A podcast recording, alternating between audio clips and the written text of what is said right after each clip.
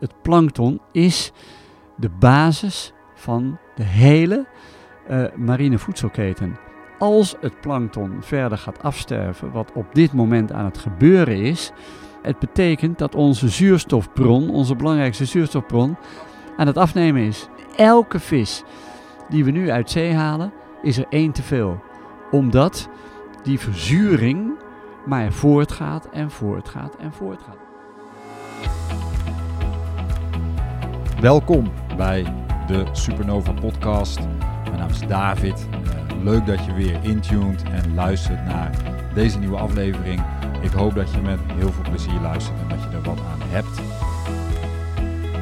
Vandaag dus een gesprek met Dos Winkel. Uh, ik bezocht hem thuis in Antwerpen waar we dit gesprek opnamen. Bij hem in zijn prachtige tuin.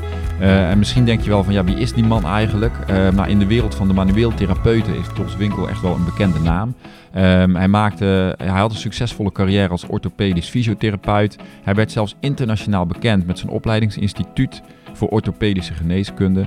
Uh, daarvoor reisde hij de hele wereld over, werd hij uitgenodigd om te spreken op congressen en hij sprak voor huisartsen en noem maar op. Um, maar op een van die reizen kwam hij in aanraking met duiken. Um, en als duiker en onderwaterfotograaf zag hij eigenlijk in de afgelopen 30 jaar de onderwaterwereld enorm hard achteruit gaan. En dat is ook de reden dat hij vanaf 2006 met zijn werk stopte om fulltime te werken voor de stichting Sea First, waarmee hij stad en land afreist om zijn verhaal te vertellen. Hij schreef ook een aantal boeken, naast dat hij fotografeerde voor onder andere National Geographic en een aantal prachtige uh, boeken met duikfoto's uitbracht, uh, schreef hij meer recentelijk een aantal andere boeken, zoals Wat is er mis met vis en visolie, daar gaan we ook over praten, De Huilende Zee uh, en Het Alfabet van de Zee.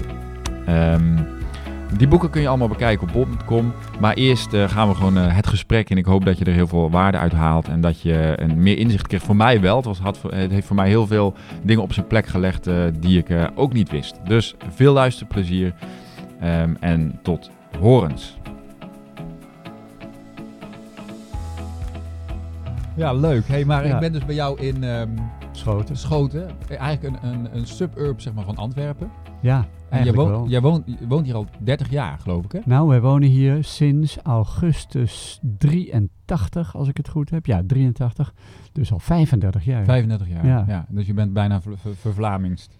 Uh, ja, het is zelfs zo dat, uh, dat ik heel vaak moet nadenken van hoe zeg je dat nou ook alweer in het Nederlands. Dat weet ik soms gewoon niet meer. Nee. Ja. En waar kom jij in Nederland vandaan? Wat is jouw... Ik ben geboren in Haarlem okay. in 1947. En we hebben het langst gewoond in Delft. Daar had okay. ik ook praktijk. Ja. Uh, een mooie grote groepspraktijk. Ja. Met artsen en een aantal fysiotherapeuten, verloskundigen.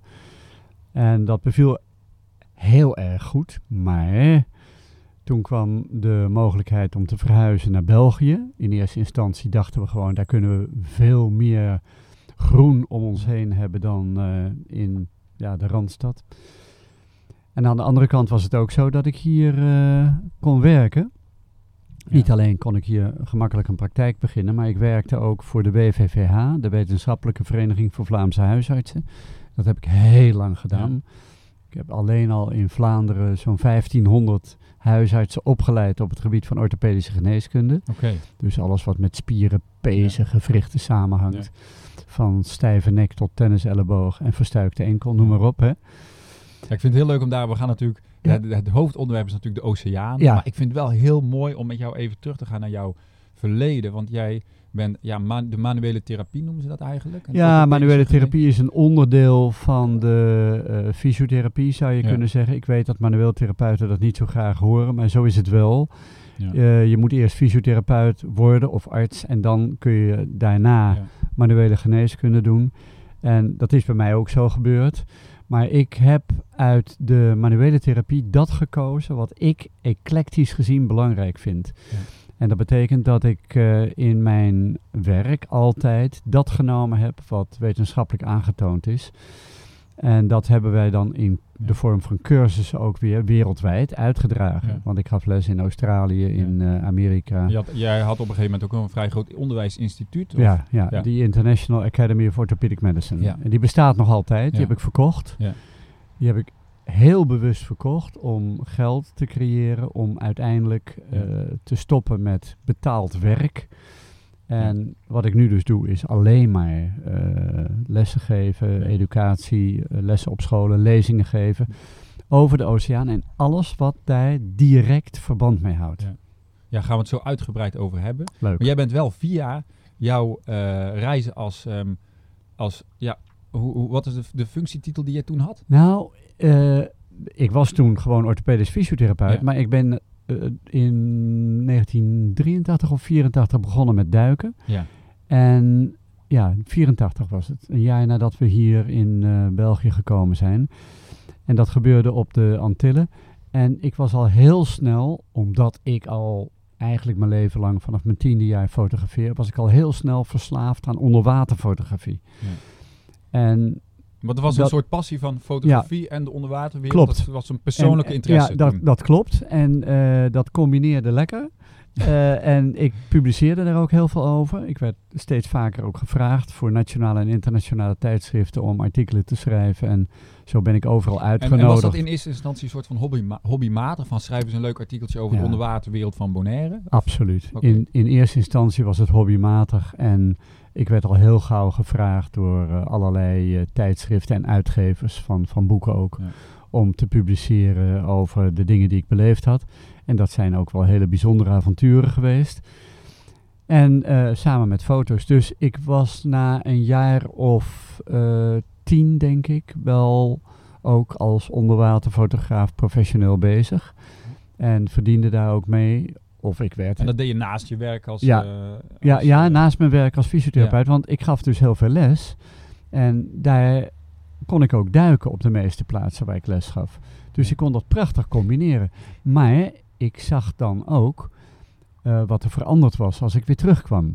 ja. En vaak was het zo dat ik na een maand of na drie maanden weer terugkwam voor een vervolgcursus. Ja, en dan zag ik enorme verschillen. En, en dat baarde mij zorgen. Zoveel dat ik op een gegeven ogenblik besloot dus eh, alles te verkopen en Ja. als, eh, Als oceaanbeschermer. oceaanbeschermer ja, op een educatieve manier verder te gaan. Ja. En dat doe ik nog steeds. ja, daar gaan we zo meteen nog wat dieper op in. Maar jij bent dus van kinds af aan eigenlijk, heb je al wel iets met natuur, Ja. beweging, want je hebt ook een, best wel een, een sportcarrière Ja, achter de rug. klopt. Wil ik nog heel kort even naartoe terug. Atletiek deed je? Wat was, wat was jouw sport? Eh, nou, eigenlijk alles wat atletiek betreft, van, van marathon tot eh, de 100 meter. Maar waar ik in uitblonk, dat waren vooral technische nummers, zoals speerwerpen. Oh. En daarvoor zat ik als, ja, ik ben een mager mannetje, Ja, maar, maar ik had een Ja, hele goede techniek en een hele snelle arm. En ik weet nog wel dat de allereerste wedstrijd die ik deed als B-junior, verbeterde ik het 14 jaar oude record van Zuid-Holland. En eh, dat moedigde mij zo aan dat ik daar, ja, daar ben ik mee verder gegaan. En- wat, wat is de, heb je daar ook een, een beetje een sportcarrière in gehad? Ja, ja, dat zo zeker. zeggen? Want Ja, wat, was jouw, wat was jouw hoogtepunt? Nou, eh, de Nederlandse jeugdploeg. Ja. Dus dat was, Ja. ja. dat was wel heel bijzonder. En eh, ik heb hele bijzondere wedstrijden gedaan in binnen- en buitenland. En eh, heel veel gewonnen. En dat vond ik erg leuk. En het allerleukste vond ik dat mensen heel vaak eh, aan mij vroegen: Ja, maar jij, jij traint niet anders dan, dan wij. En hoe komt het dan dat jij beter presteerde? Wat En- zei je dan? Stevast vertelde ik dat het kwam door mijn voeding. Dat, door mijn dieet. Ik ben als vegetariër geboren en opgegroeid, Mhm. opgevoed. En ik heb dat altijd aangegrepen om mensen te vertellen dat het daardoor kwam. Maar het leuke is, eh, ik weet niet of jij je nog Mark Spitz herinnert. Dat zegt mij helemaal Nee, niks. waarschijnlijk van voor je uit. 1964. Volgens mij. En wie eh, is Mark Spitz? nou, een atleet? wereldberoemde zwemmer. Eh, Mark Spitz. Hij is nog altijd super sportief. In 1964 deed hij mee in Mexico de Olympische Spelen. En hij won zeven gouden medailles. Zo. En hij vertelde aan iedereen, want hij werd natuurlijk ja, eh, constant geïnterviewd. En hij vertelde aan iedereen dat komt omdat ik vegetariër ben. En dat was zo indrukwekkend voor mij en, en zo aanmoedigend ook, dat ik vertelde dat ook aan iedereen. Ja, want in die tijd, kijk nu eh, Ja. is iedereen flexitariër of Ja, vegetariër ja, bijna, maar eh, in die tijd was het toch best wel weer uniek. Ja, nou, echt uniek was het feit dat mijn vader vegetariër werd in 1932. Dat was pas echt uniek. Maar goed, dit is 1964, Mark Spitz. En het leuke is dat eh, daar werd door heel veel journalisten om gelachen. Zo van, ja, het zal wel. je hebt dat vlees nodig, man. Ja, Nee, zei. Mark Spitz, nee. En de Russen, die altijd achterbleven met eh, duursporten, die waren heel goed in, in gewichtheffen en kogelstoten en dat soort dingen. Maar dat, dat waren nooit goede lopers of zwemmers. En die zijn dat heel serieus gaan onderzoeken. En die zijn allerlei testen gaan doen ehm, met drie groepen van Ja. mensen, dus echte atleten en dan ook eh, at random ingedeeld eh, mensen die eh, helemaal geen sport deden en dan weer at random een groep mensen die wel sport deden. En dan natuurlijk een groep vegetariërs, ook at random ingedeeld die van alles deden, door elkaar wel sport, niet sport. En wat bleek nu, dat bij de testen die ze deden, dat de vegetariërs het beste scoorden. Heel simpel voorbeeld, hè. Ik heb een gewicht van 5 kilo, een kogel, Ja. waar de dames mee stoten, of, of, of de junioren mee stoten. Dames is geloof ik 4 kilo. Eh, en hoe lang kan jij die kogel met gestrekte arm voor je houden? Hè? Horizontaal. Ja. Nou, de vegetariërs deden dat moeiteloos beter dan alle anderen. Gemiddeld. Ja. En ja, dat viel op. En toen dachten de Russen van... Ja, inderdaad. En de Russen dachten toen van... Hé, hey, verdorie, daar, daar zit wat in, in die Mark Spitz. Die heeft wel gelijk. En die zijn enorm gaan experimenteren. Veel meer dan in de westerse wereld. En die eh, hebben dus hele goede duursporters gekregen... op basis van vegetarische voeding. Ja. Leuk, hè? Ja, heel leuk. Ja, dus nou ik gebruikte ge- dat ook. Ja, ja, ja. Het- je ziet het nog steeds, hè, dat steeds meer duursporters... eh ik ben er zelf ook eh, een aantal marathons en ultra's gelopen. Leuk. En Goed. eh, dat je inderdaad ziet dat een beetje echte duursporters Ja. vaak overstappen op plantaardige voeding. Ja. En ik vind het heel begrijpelijk. Ja, tuurlijk. Het is volkomen Ja. terecht. Als je, als je kijkt alleen al naar de eiwittransitie, hè, dus eh, als je vlees eet, Ja. dan eet je eh, eiwitten die al een transitie ondergaan hebben. Want bijna alle dieren die we eten, die- ik niet, jij niet, maar bijna alle dieren die men eet zijn vegetariër. Althans, hè, de koeien, de, de schapen, de, de geiten, de paarden, noem maar op. Eh, ik weet niet wat er allemaal gegeten wordt, maar dat is toch allemaal planteneters.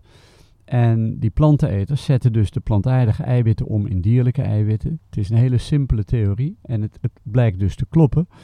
In dierlijke eiwitten moeten die afbreken in het lichaam tot aminozuren opbouwen tot lichaams-eigen eiwitten. Dan heb je dus al een, grote, een groot verlies. Terwijl als je plantaardig eet, dan kan je hetzelfde doen wat die dieren doen. Die enorme spieren hebben en sterk zijn en eh, uithoudingsvermogen hebben. En dat blijkt dus te kloppen. Dus de omzetting van plantaardige eiwitten via aminozuren naar lichaams-eigen eiwitten is veel effectiever dan via vlees. Ja. Tada. Klopt. En je bent nog steeds heel fit, want ik kwam hier aanrijden bij jou bij het hek. En je kwam in je sportbroekje aangerend, sprong over het hek heen. En hoe oud ben je nu? Oh, dat is je opgevallen. Ja, dat is niet, want ik doe de hele dag dat soort dingen. 71 Ja, ben ik nu, ja. Dus, en, en inderdaad, ik ben heel fit en lenig en, eh, en ik tennis heerlijk en Ja. eh, werk Ja, veel super. in de tuin ook. ja, naast mijn werk. wij zitten hier buiten in een prachtige tuin. Overigens, ik Ja. zal er wat foto's van publiceren met eh, een eh, mooie visvijver onder Leuk, ons. leuk. Dus dat is natuurlijk super. Ehm, maar je bent, je bent dus ehm, ehm, zelf van actief sporten. Op een gegeven moment ben je gaan interesseren voor het lichaam. Ja. Toen ben je bij de fysiotherapie zeg maar, terechtgekomen. Ja. Je hebt je heel lang gedaan. Dan ben je echt ja, heel diep ingedoken. Je hebt een opleidingsinstituut opgezet Klopt, daarin. Ja. Je bent de wereld overgevlogen daarmee. Ja, dat is helaas het minder duurzame gedeelte van mijn leven. Maar het is wel zo dat omdat ik dat altijd combineerde met duiken en eh, omdat Bertie al heel snel bleek dat ze niet kon duiken, mijn vrouw, ehm, hebben we het dan zo gedaan dat ik bijvoorbeeld eerst ging lesgeven en dan ging ik duiken en dan kwam zij daarna. Eh, en dan eh, gingen we naar Papua Nieuw-Guinea Ja. en dan gingen we de stammen bezoeken. Ja. Want dat is haar grote passie. En er zijn ook heel veel boeken van haar werk uitgegeven. Het, fotograferen Ja. van tribale mensen. Ja. Heel bijzonder hoor. Dus we hebben dat altijd op die manier gecombineerd.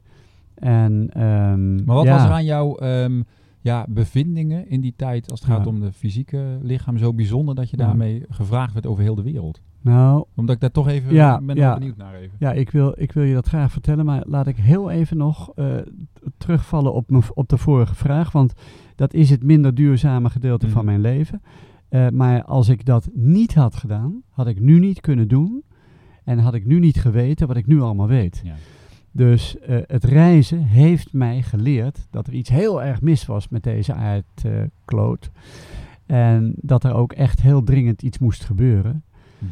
En om terug te komen op je andere vraag, wat is er gebeurd? Ik ben manuele therapie gaan studeren heel kort na mijn afstuderen als fysiotherapeut.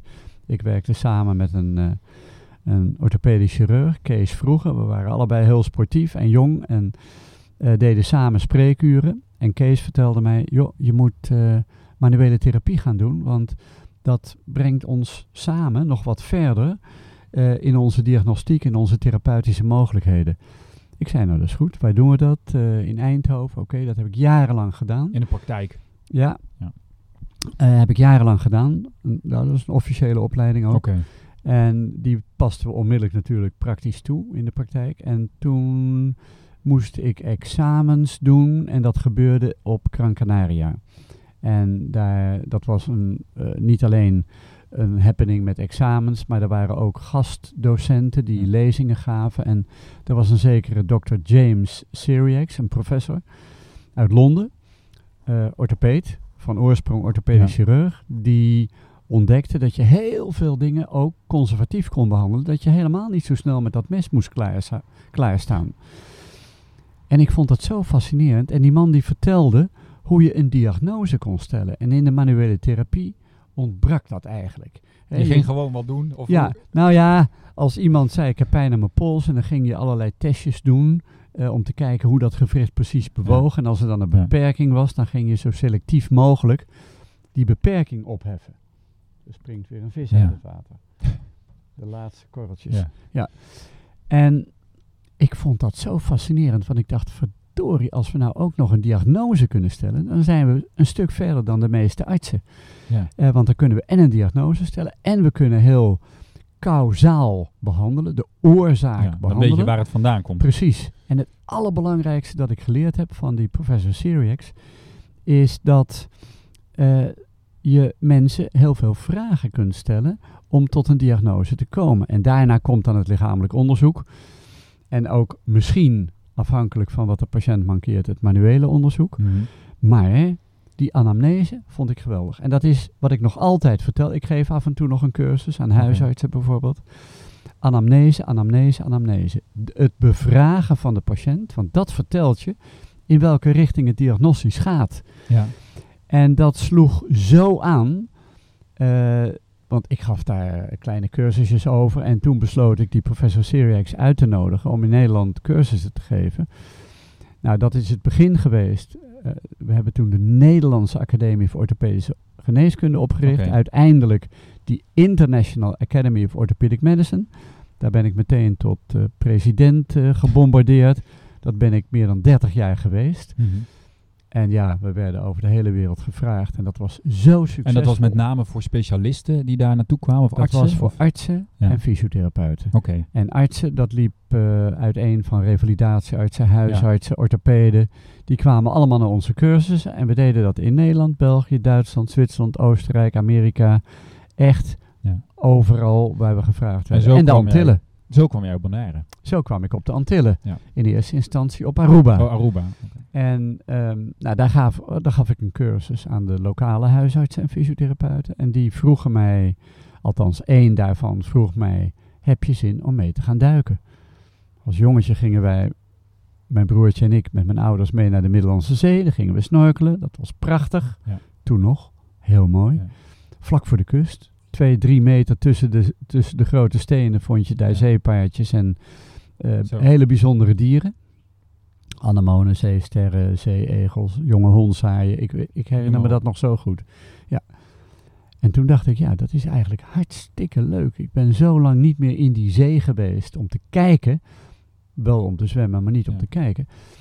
En toen ben ik drie kwartier onder water gebleven na een uitleg van vijf minuten. En, en dit is echt het punt, en dat heb ik vaak verteld, dat mijn leven echt een enorme wending heeft gekregen. Wat gebeurde daar dan onder water met Nou, jou?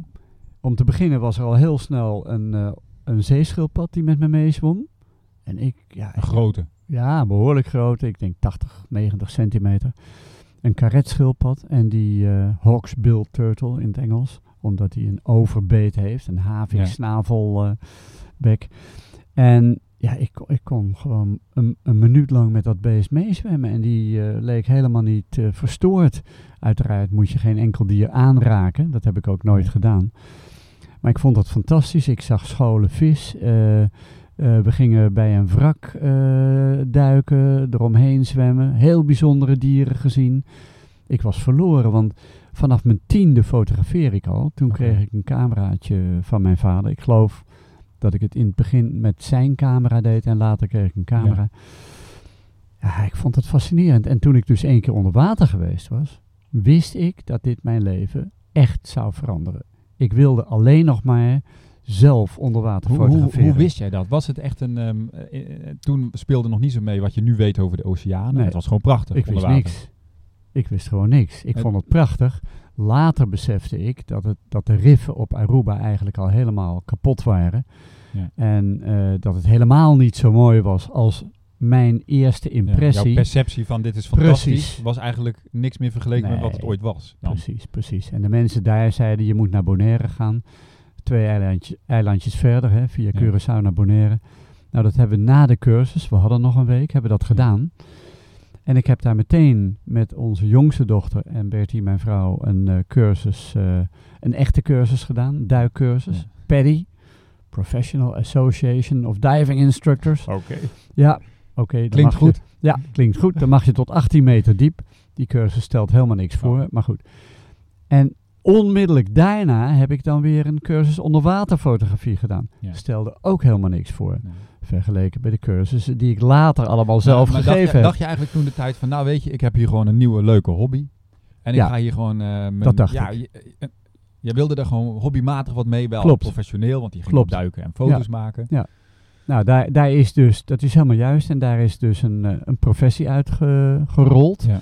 Ik ben professioneel onderwaterfotograaf en auteur geworden. Ik heb heel Ja. veel artikelen geschreven en boeken gepubliceerd daarover. Ook hele mooie boeken met prachtige beelden die ik in de loop der jaren gemaakt had. Eh, hoe eh, kwam je dan ook... eh, je hebt daar uitgevers voor, of die Ja. vonden jou? Of Ja. bij, eh, Anders, andersom meestal, ja. Ja. Eh, ik vond uitgevers, maar soms vonden uitgevers mij ook. Ja. Later was dat natuurlijk vooral het geval. In het begin moest ik ze zoeken. Ja. Ja. Want toen de tijd was onderwaterfotografie ook nog best wel uniek. Je hebt nog, had natuurlijk geen digitale camera's. Klopt. Het was allemaal analoog en Ja. eh, het was allemaal lastig. En er waren maar heel weinig echte goede onderwaterfotografen die eh, ons ook iets bij konden brengen. Hè, technieken die heel belangrijk zijn. En ik ben daar ongelooflijk dankbaar voor dat ik zo opgeleid ben als onderwaterfotograaf. Want door het analoge fotograferen heb ik het digitale veel beter begrepen. En Ja.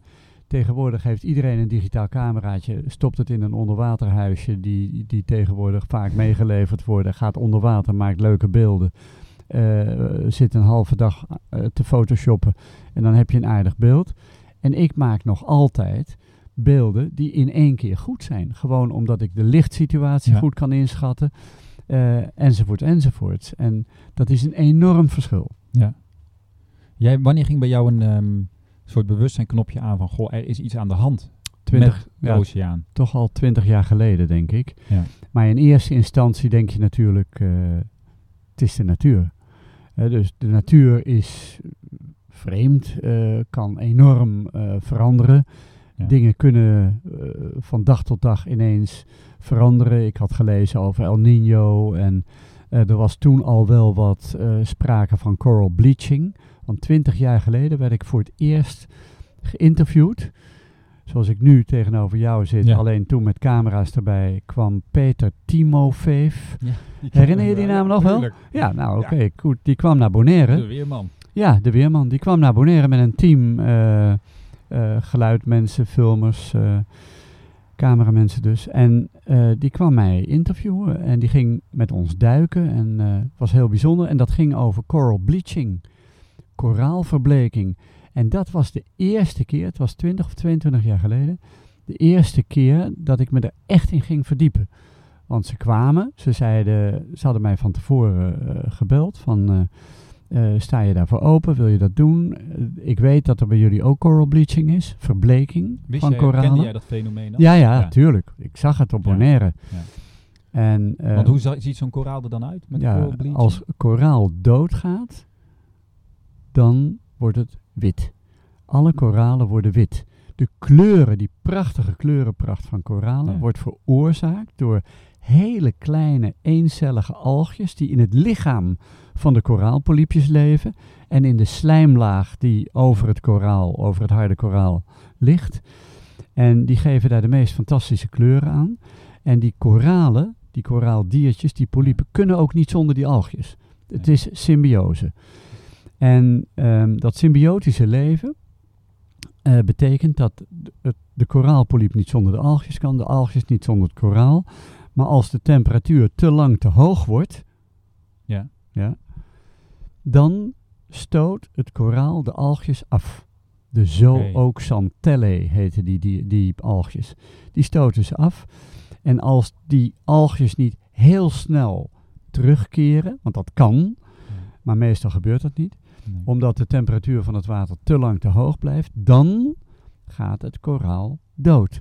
Want die algjes zorgen voor fotosynthese, eh, produceren suikers waar het koraaldiertje van Groeit het koraal. proficeert, pro- eh, prof- profiteert. Ja. Ehm, het koraal kan daardoor groeien, eh, krijgt daardoor die prachtige kleuren en is dus heel belangrijk. Het zet het, het zonlicht in, om in energie en suikers. En, eh, ja, terwijl het Ja. koraaldiertje zelf plankton eet, vooral. Maar die combinatie is noodzakelijk om in leven te blijven. En nu is coral bleaching dus de allerbelangrijkste reden omdat de temperatuur op aarde aan het stijgen is. Daar moeten we het echt ook straks even over hebben. Want dat, is, gaan we eh, doen. Want dat is echt funest voor eh, de biodiversiteit, Ja. voor al het leven op aarde. Want als de temperatuur op aarde stijgt, stijgt ook de temperatuur van het zeewater. Nou, die is inmiddels al aardig gestegen in de loop van de jaren dat ik gedoken heb, 30 jaar.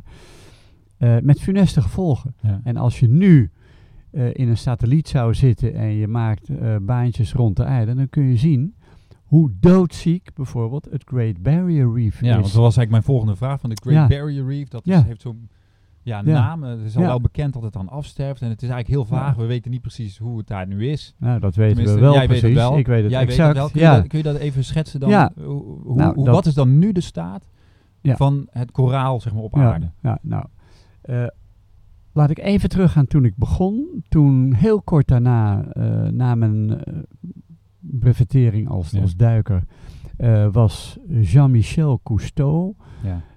op Bonaire om een lezing te geven. De zoon van de aloude Jean-Jacques. Cousteau. Ja. En die vertelde dat ongeveer 30% van alle koraalriffen in de wereld ziek was. En ik dacht, nou ja, het zal wel. Wat- ik zie het niet. ja, wat betekent dat? Eh, ja, wat is het dan? Wat gebeurt er dan? Ja, eh, dat zijn ziektes waarvan we niet precies weten hoe ze ontstaan. Dat kon coral bleaching zijn, dat kon eh, eh, plotselinge massale sterfte van zeeegels zijn, dat soort dingen. was het toen de tijd eh, was het bekend dat er al iets met opwarming Nee, speelde? Dat Absoluut niet. Nee, 30 jaar geleden. Nee, nee, nee, nee. En hij vertelde dat. Dus 30%, ruim 30 jaar geleden, 30% van alle koraalriffen is ziek. Nu is 0% van alle koraalriffen nog gezond. Er zijn wel mooie riffen nog. Zeker als je daar voor het eerst naartoe gaat, dan zeg je, oh, dit is geweldig. Ja. Maar alle riffen zijn ziek. De laatste jaren heb ik vooral gedoken in de Raja Ampat. Dat is eh, Waar is dat? een eilandengroep ten westen van de vogelkop van West-Papua. Dat is wat vroeger Ja. Nederlands Nieuw-Guinea en daarna Ja. Irian Jaya was. Het is onderdeel van Nieuw-Guinea. We willen heel graag zelfstandig worden. Ehm, en dat is een eilandengroep van ongeveer 3000 en nog wat eilandjes. Ja. Ehm, maar veel minder grote eilanden. Het zijn vaak gewoon rotsen in zee. En daar nemen de duikscholen je altijd mee naar de mooiste riffen. Maar omdat ik daar altijd uitgenodigd werd om daar een reportage te maken, artikelen te schrijven en te publiceren, ging ik dus, ik had dus veel meer tijd, ging ik dus ook naar andere riffen waar de toerist niet mee naartoe genomen werd. En dan zag ik precies hetzelfde wat ik over de hele wereld zag. Kapotte riffen met verbleking, dus Ja. de coral bleaching Ja. en eh, allerlei ziektes. En toen besefte ik, ja, we worden als, als toeristduiker, behoorlijk wel in, In de het maling, genomen. ja. Ja. Eh, ze brengen ons naar de mooiste plekjes. En ja, als die dan weer eh, kapot gaan, dan zijn er nog wel een paar. Maar het, het ziet er heel somber uit. Ja. En dat ontdekte ik in de loop der jaren natuurlijk steeds Ja, meer. Die 30 jaar dat jij gedoken hebt, Precies. kwam je ook wel terug op dezelfde plekken. Absoluut. En dan zag je daadwerkelijk tien jaar later, oh, Ja. dit is niet En, meer... nou, soms was het maar een paar maanden later. Dan zag ik al verschil. Zo. Dat hele grote groepen vis verdwenen waren. En nogmaals, je denkt het is de natuur. Maar als je dan gaat vragen aan de lokale mensen. Die zeggen, nee, die vissen die zitten hier al honderden jaren. Waarschijnlijk veel langer, maar dat weten we natuurlijk niet zeker. En dan uiteindelijk bleek, als je dan ging doorvragen, dat er weer een of andere lozing geweest was van een fabriek. En eh, dat dat via de grote Ja. rivier eh, dan weer in zee terechtgekomen was. Dan waren Ja. al die dieren weg. Later besefte ik dat er veel meer aan de hand was. En begon ik te, te mailen met allerlei bekende marinebiologen en marine-ecologen. Ja. En eh, allerlei mensen die heel veel verstand hadden van alles wat zich afspeelt in de oceaan. En die vertelden mij, ja Dos, goede vraag, goede opmerking en eh goede observatie. Maar het is allemaal de schuld van ons, van de mens. En het heeft niks met de natuur te maken. Nee. En toen dacht ik van, oh. En ben ik daar heel veel over gaan lezen. Ja. Heel veel contact gehad met wetenschappers. Ben ik tien jaar geleden zover gekomen, nee, ietsje langer geleden, 12, 13 jaar geleden, dat ik zei van, nu ga ik er lezingen over geven voor duikclubs en Ja. op duikbeurzen. En dat zorgde ervoor, zorgde ervoor dat, ehm, dat de mensen zeiden van, eh, oh, hey, daar hebben wij nog nooit van gehoord. Even. Maar oh, ik, ik, Ja. ik denk van, het, lijkt me wel goed om even het probleem dan van nu te schetsen. Van Ja. wat is dan nu eigenlijk het probleem? Het probleem is heel groot, Ja. maar kunnen we daar cijfers, kunnen we daar, daar even wat... Om even de context van, van ja, de oceanen, we weten allemaal er is plastic en noem maar op. Oké. We zijn met een team heel diep in de materie gedoken. Ook heel veel mensen uitgenodigd. Eh, tien jaar geleden al meteen bij het organiseren van Wereldoceaandag. Hè. Ja. Dat is een belangrijke dag. Door de Verenigde Naties in het leven geroepen. Op 8 juni hebben we bekende mensen uitgenodigd uit de, uit de hele wereld om lezingen te geven. Ja. En dat hebben we heel lang en intensief gedaan. Dat doen we nog altijd. Jaarlijks. En wat blijkt nu? Dat er zijn heel veel problemen. Overbevissing en klimaatverandering zijn de allergrootste. Nou, overbevissing is simpel.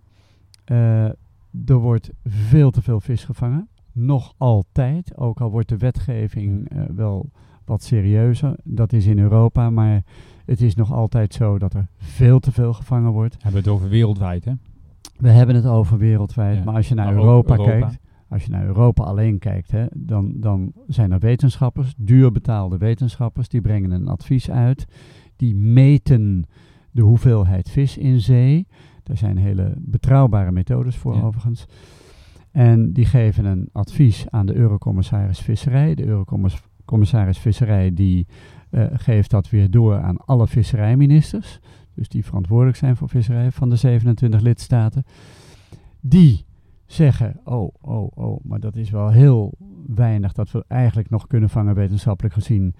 En die geven gemiddeld 40% meer door aan Ja. de vissers. De vissers gooien er 40 tot 60% bovenop. En al decennia lang wordt er dus gemiddeld Ja. iets minder dan 100% aan vis te veel gevangen. Dan wat eigenlijk zou mogen volgens de wetenschappers.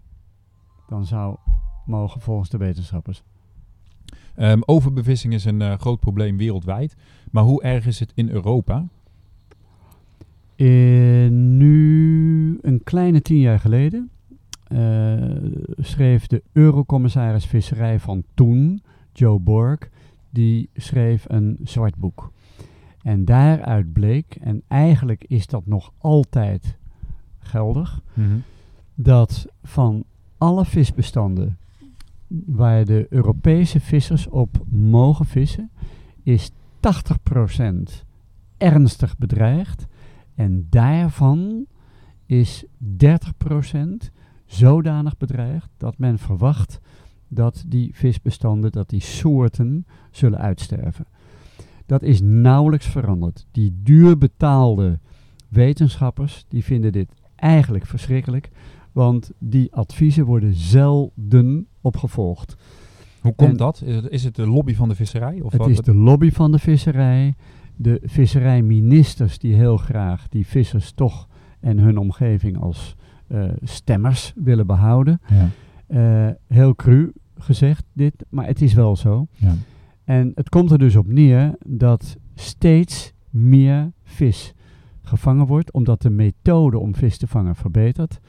En we ja, we zijn steeds slimmer geworden. ja, steeds slimmer Ja. geworden. Eh, tonijn bijvoorbeeld, zoals Ja. blauwvintonijn, bijna uitgestorven, wordt eh, met helikopters, kleine vliegtuigjes, met sonar, met radar, worden die scholen opgespoord. En er wordt in één keer met de Purse-Seine-methode, die zo'n hele school wordt omsingeld, wordt alles uit het water getrokken. Daar zitten dolfijnen bij, schildpadden, allerlei andere dieren, die terug dood overboord gaan. Ehm, het is werkelijk rampzalig. Ja. En eh, het is net weer World Overshoot Day geweest. Ehm 1 augustus van dit jaar 2018 zal het zo zijn dat alle grenzen overschreden zijn. Dus Ja. dat er zoveel vis gevangen is dat Ja. de dieren zich niet meer kunnen herstellen. Dat de groepen vissen zich niet meer kunnen herstellen. Dat betekent dus dat op 1 augustus zoveel vis gevangen is als normaal gesproken in een jaar erbij komt aan jonge visjes. En dat betekent dan ook dat vanaf 1 augustus tot eind van het jaar elke vis die gevangen wordt er één te veel is. Ja. En dat, En dat jaar in jaar uit. en dat jaar in jaar uit, want dat World Overshoot Day, Ja. dat wordt dus bepaald door Ja. de eh, Global Footprint Network. Dat, Ja. dat is een heel racem aan wetenschappers. Eh, dat betekent dus dat we steeds verder interen op wat we hebben. En ook vanaf 1 augustus is er zoveel CO2 geproduceerd als bomen en planten en de oceaan, dat zijn de kleine plantjes, Ja, het fytoplankton, ja. ja. als die in een jaar tijd kunnen verwerken. Ja. Met andere woorden, al het overige CO2 van de komende vijf maanden, dat, ja, dat verdwijnt in de oceaan Ja. en in de lucht. En dat betekent dat het steeds zuurder wordt. Die Gaan we straks, wil ik straks wel diep Ja. op ingaan. Ik wil even bij de vis blijven. Ja. Eh, om dat even uit te diepen. Overbevissing, hoeveel vis wordt er, hoeveel vis zwemt er eigenlijk in de oceaan? Ja. Hebben we daar, zijn Dat- er cijfers van? Dat weet ik niet. Nee. Eh, dat wordt in biomassa uitgedrukt en dat weet ik niet precies. Maar we weten wel hoeveel er gevangen wordt en hoeveel er Ja. overboord gaat. Er wordt op het ogenblik zo rond de 100 miljard kilo gevangen. 100 miljoen ton is dat. Dat zijn onvoorstelbare Ja, hoeveelheden. Kun je in heel Nederland met een, met een meter mee Ja. bedekken, bij wijze van spreken. Onvoorstelbare hoeveelheden. Ook als je kijkt naar dierenwelzijn, is het een van de meest gruwelijke eh, dodingsmethoden van dieren. Terwijl we weten dat dieren, zoals vissen, eh, heel veel pijn kunnen voelen, angst en stress. Dus eigenlijk moet dat razendsnel veranderen. Ja. Maar goed, en van die eh 100 miljoen ton is ongeveer een derde bedoeld om te verwerken tot visvoer voor kweekvis, voor varkens en voor kippen. Dat is Ja. op zich al totaal absurd, omdat varkens en vissen natuurlijk nooit van zijn levensdagen in de natuur Absurd. eh, ja. vis zouden eten. Maar dat wordt dan bijgemengd, dat is zo. En Je zou denken, ja, nou, we mag geen wilde zalmen eten en geen Ja. tonijn, maar dan koop ik wel kweek, precies. kweekvis. Ja, en dat zijn natuurlijk bijna allemaal carnivore vissen eh, die gegeten worden. En dat betekent dus dat ze niks anders kunnen eten dan vis uit zee. En kweekvis is ooit bedoeld geweest om die oceaan te ontlasten. En dat is dus volstrekt uit de hand gelopen, compleet mislukt. En er zijn wel. Want? Nou, omdat we eh, die dieren alleen maar eten kunnen geven dat uit de zee komt. Dus als je, een, als je kijkt, als je gaat converteren, dan betekent dat dat een, een kilo zalm, daarvoor is 2 tot 6 kilo wilde vis uit zee nodig. Ja. Dus als je die 2 tot 6 kilo wilde vis, afhankelijk van de soort zalm en waar die gekweekt wordt, als je die optelt bij de 2 kilo zalm, dan wordt er dus 8 kilo vis maximaal doodgemaakt voor 2 kilo zalm. Ja. Het is absurd, hè? Het is echt absurd. En eh, dat is dus volledig uit de hand gelopen. Het is een, en sommige marinewetenschappers noemen dat een uit de hand gelopen monstrum. Ja, nou dat is het ook waarschijnlijk. Ja, en de kweekvis is de nieuwe stresskip, wordt ook Ja. gezegd.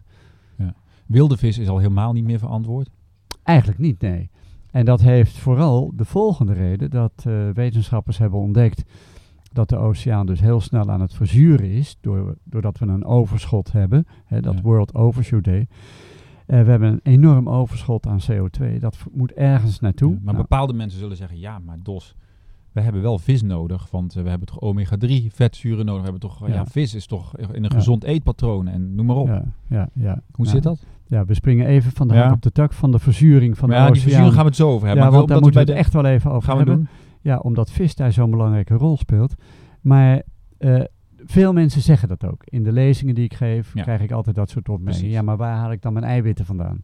En eh, hoe kom ik dan aan die omega-3? Ja. Mensen die iets slimmer zijn, die, dat- die dat zeggen. Dit is bullshit. Sorry dat ik het zeg. Het is bullshit. Eén.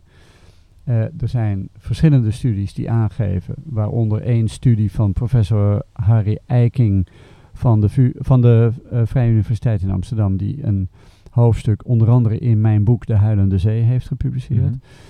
En de eindconclusie is dat we veel te veel dierlijke eiwitten consumeren, zo'n 65 procent te veel. En dat er een dringende transitie nodig is naar plantaardige eiwitten. Dat is één. Dus daarmee is dat eh, verhaal al ontzenuwd. En het andere is de omega-3. Nou, dat is zo mogelijk nog grotere onzin, want die omega-3 wordt door de vis zelf helemaal niet gemaakt. Dat kan die helemaal niet. Dat haalt hij uit planktonalgen. Er zijn allerlei soorten planktonalgen die de derivaten van omega-3, dat zijn EPA en DHA, Ja. Eicosa penteenzuur, docosa hexeenzuur, die zitten daarin, in die algen, en die vis slaat het gewoon op bij zijn eigen vetweefsel. Klaar. Die maakt dat niet. En wij maken tot 220 kilo vis dood om één litertje visolie te verkrijgen. Absurd. Gigantische industrie, de visolie. En wordt aan alle kanten gepromoot. Ja, volkomen ten onrechte, want de EFSA, de European Food Safety Authority, heeft verreweg de meeste gezondheidsclaims als niet juist betiteld. En die mogen dus ook niet meer op de verpakkingen of op de websites staan van de merken visolie. Eh, daar wordt grandioos de hand mee gelicht, overigens. Verder bevat visolie, die dus uit vette vis komt, altijd contaminanten, dus gifstoffen. Want je kunt natuurlijk wel proberen die olie uit vis eh, zo Ja. Eh, eh, contaminantvrij te krijgen, gifstofvrij te krijgen. Maar dan moet je enorm veel processen doormaken om die visolie ja, verantwoord Ja. te maken. En dat doe je niet, want dan is de omega-3 zelf ook niet meer effectief. Dus, Dus, met de visolie komt ook contaminatie in de olie. absoluut. Dus dat kan je er nooit allemaal uithalen. We weten dat omdat een bekende, ik zal even geen namen noemen, fabrikant van andere olie, plantaardige, ja, visolie is natuurlijk ook plantaardig, want die vis maakt het niet Ja. zelf. Dus het komt uit plank, planktonalgen, dus plantaardig. Eh, maar die heeft ooit een proces aangespannen tegen een visoliefabrikant, die dus op zijn website schreef en ook op de verpakking 100% Vrij clean, van. Ja. ja, vrij van eh, gifstoffen. En die fabrikant van de plantaardige olie heeft dat laten onderzoeken in een laboratorium. En die heeft die man voor de rechter gedaagd. En het bleek inderdaad dat zijn farmaceutische visolie nog heel wat rotzooi bevatte. Ja, dus nu, en ik ben een van de grote voorvechters geweest, al tien jaar geleden. eh, nu wordt er op grote schaal op het land in eh, eh, bepaalde systemen wordt er fytoplankton bevattende Ja. de EPA en de DHA gekweekt. De algeolie. De algeolie. Ja, dus een alternatief voor mensen die toch denken dat ze die omega-3 uit vissen nodig hebben, kunnen beter een algeolie supplement nemen. En dat raad ik eigenlijk Ja. vooral aan aan zwangere vrouwen. Zwangere vrouwen. Ja. En tot voor kort zei ook het Nederlands Voedingscentrum dat je twee keer per week vette vis moest eten als je zwanger was. Nou, we weten inmiddels uit allerlei studies dat dat een haast misdadig advies is. Waarom? Omdat men dat onderzocht heeft en wat blijkt nu? Dat zwangere vrouwen die twee keer in de week vette vis eten, die krijgen zoveel methylkwik binnen, de organische vorm van kwik, dat dat zelfs leidt tot leer- en ontwikkelingsachterstanden, motorisch dus, van de kinderen die daaruit geboren worden. Ja.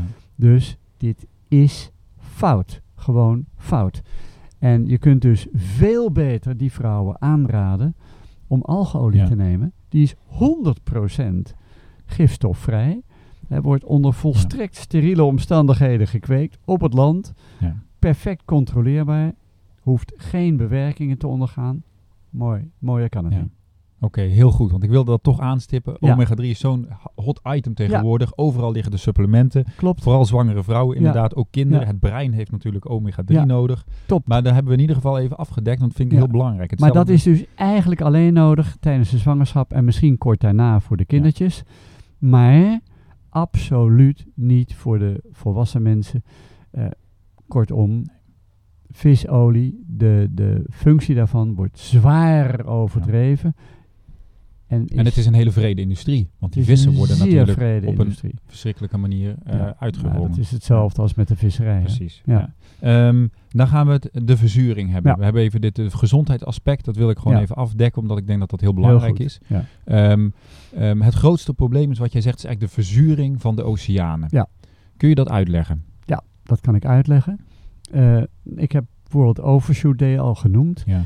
Eh, in dit jaar 2018 is al op 1 augustus zoveel CO2 geproduceerd. Ja, dat de bomen en planten en de oceaan maximaal aan kan. Dus alles wat er vanaf nu geproduceerd wordt, verdwijnt ergens. Nou, bomen zijn er niet ja, waar meer moet genoeg. die CO2 naartoe? We, hebben, we hadden Ja. ooit heel veel Amazone, bossen. Ja. Die bossen nemen dat op. Maar die bossen zijn aan het afkalven in een waanzinnig tempo. Ja. Hè? Dus twee voetbalvelden per seconde. Dat is echt heel indrukwekkend. Twee voetbalvelden En dat per gaat maar seconde. door. Ja, wereldwijd heb ik Ja. het nu wel even over. Niet alleen het Amazonewoud. En dat gaat Ja. maar door. En dat lijkt er heel erg op dat dat nog vele jaren doorgaat. En dat, is- dat kan natuurlijk gewoon niet. Want die bomen zijn waanzinnig belangrijk. Want die nemen CO2 op. Om te kunnen groeien. En die geven een afvalgas terug. Ja. Zuurstof. En die zuurstof houdt ons weer In in leven. Maar hè, daarvan is de bijdrage van de regenwoudbomen niet zo groot. De oceaan is veel belangrijker als het gaat om de zuurstof die wij nodig hebben om in leven te blijven. Ongeveer 70%. Er zijn nu al studies die aangeven dat het misschien wel 80% is van alle zuurstof die wij nodig hebben. Dus de dieren heb ik het over. Ja. Mensen, Mensen en, en dieren. andere dieren. Mensen en andere Ja. dieren. Die hebben dat nodig, zuurstof, om in leven te blijven. Gek hè, we leven van een afvalproduct van, van planten. Maar goed, zo is het nou eenmaal. En ehm, Normaal gezien was dus de, de, de, de bebossing op aarde voldoende om Ja. ons zuurstof te voorzien en om de CO2 op te nemen. ja, samen met de Ja, oceaan. met de oceaan. Ja, ja. Inmiddels ehm, gaat het gros naar de oceaan toe. Ja, de oceaan neemt verreweg de meeste CO2 op. En in ieder geval meer dan de helft. En dat zijn planten eigenlijk in de oceaan. Minuscule plantjes, eencellige plantjes, die we met het blote oog zo niet Ja. kunnen zien. We zien het pas als eh, het water groen wordt. Dan, eh, dan zie je het, dat, dan barst het van de, van de fytoplankton.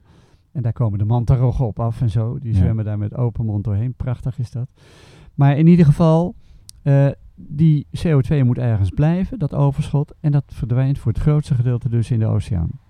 En die oceaan verzuurt daardoor. Nou, dat is niet zomaar een bakerpraatje, dat is echt zo.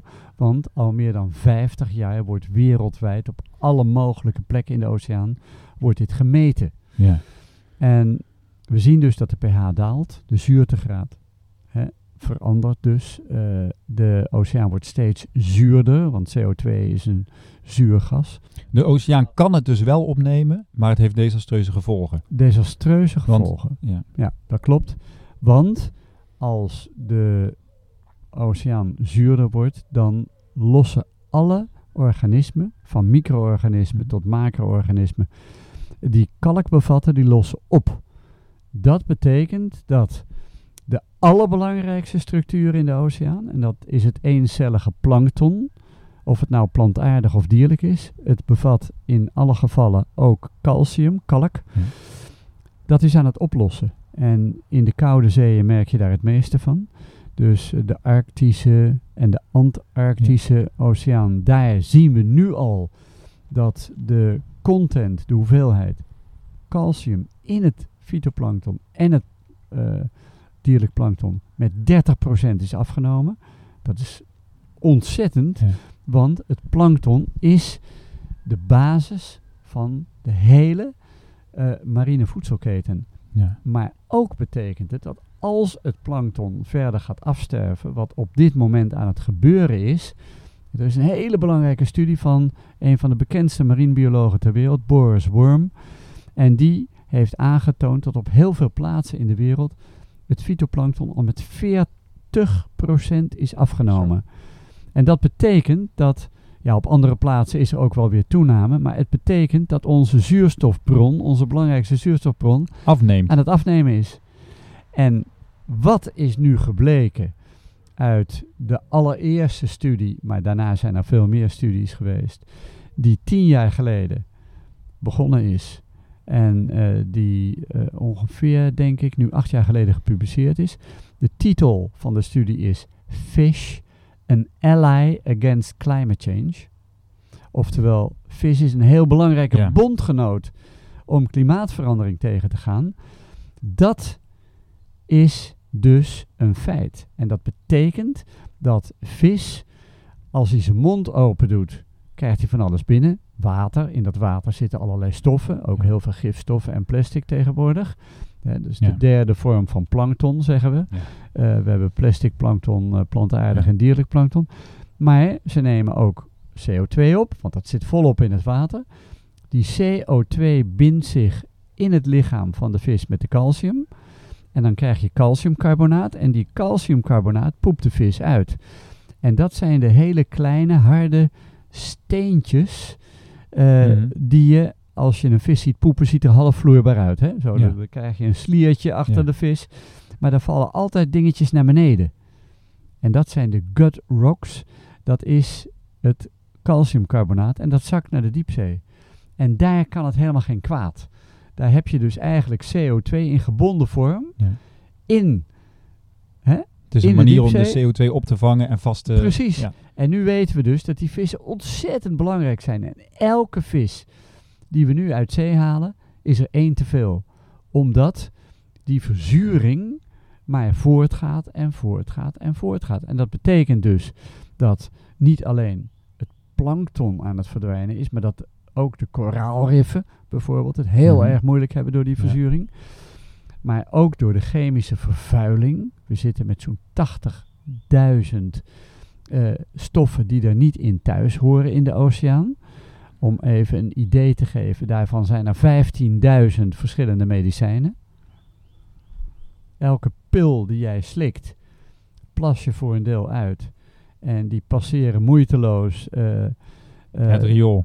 ja, de waterzuivering naar in het riool terechtgekomen te zijn. En komen dus allemaal in de zee. En daar zijn heel veel studies inmiddels over wat de consequenties daarvan Oh. zijn.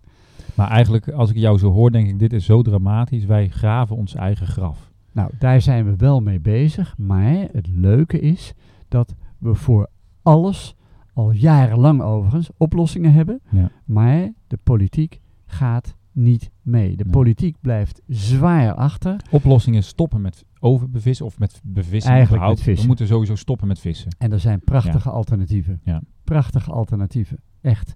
Alleen al, er zijn inmiddels heel wat boeken over eh, recepten met zeebier bijvoorbeeld. Ja? Dezelfde smaak van de zee als dat je vis eet.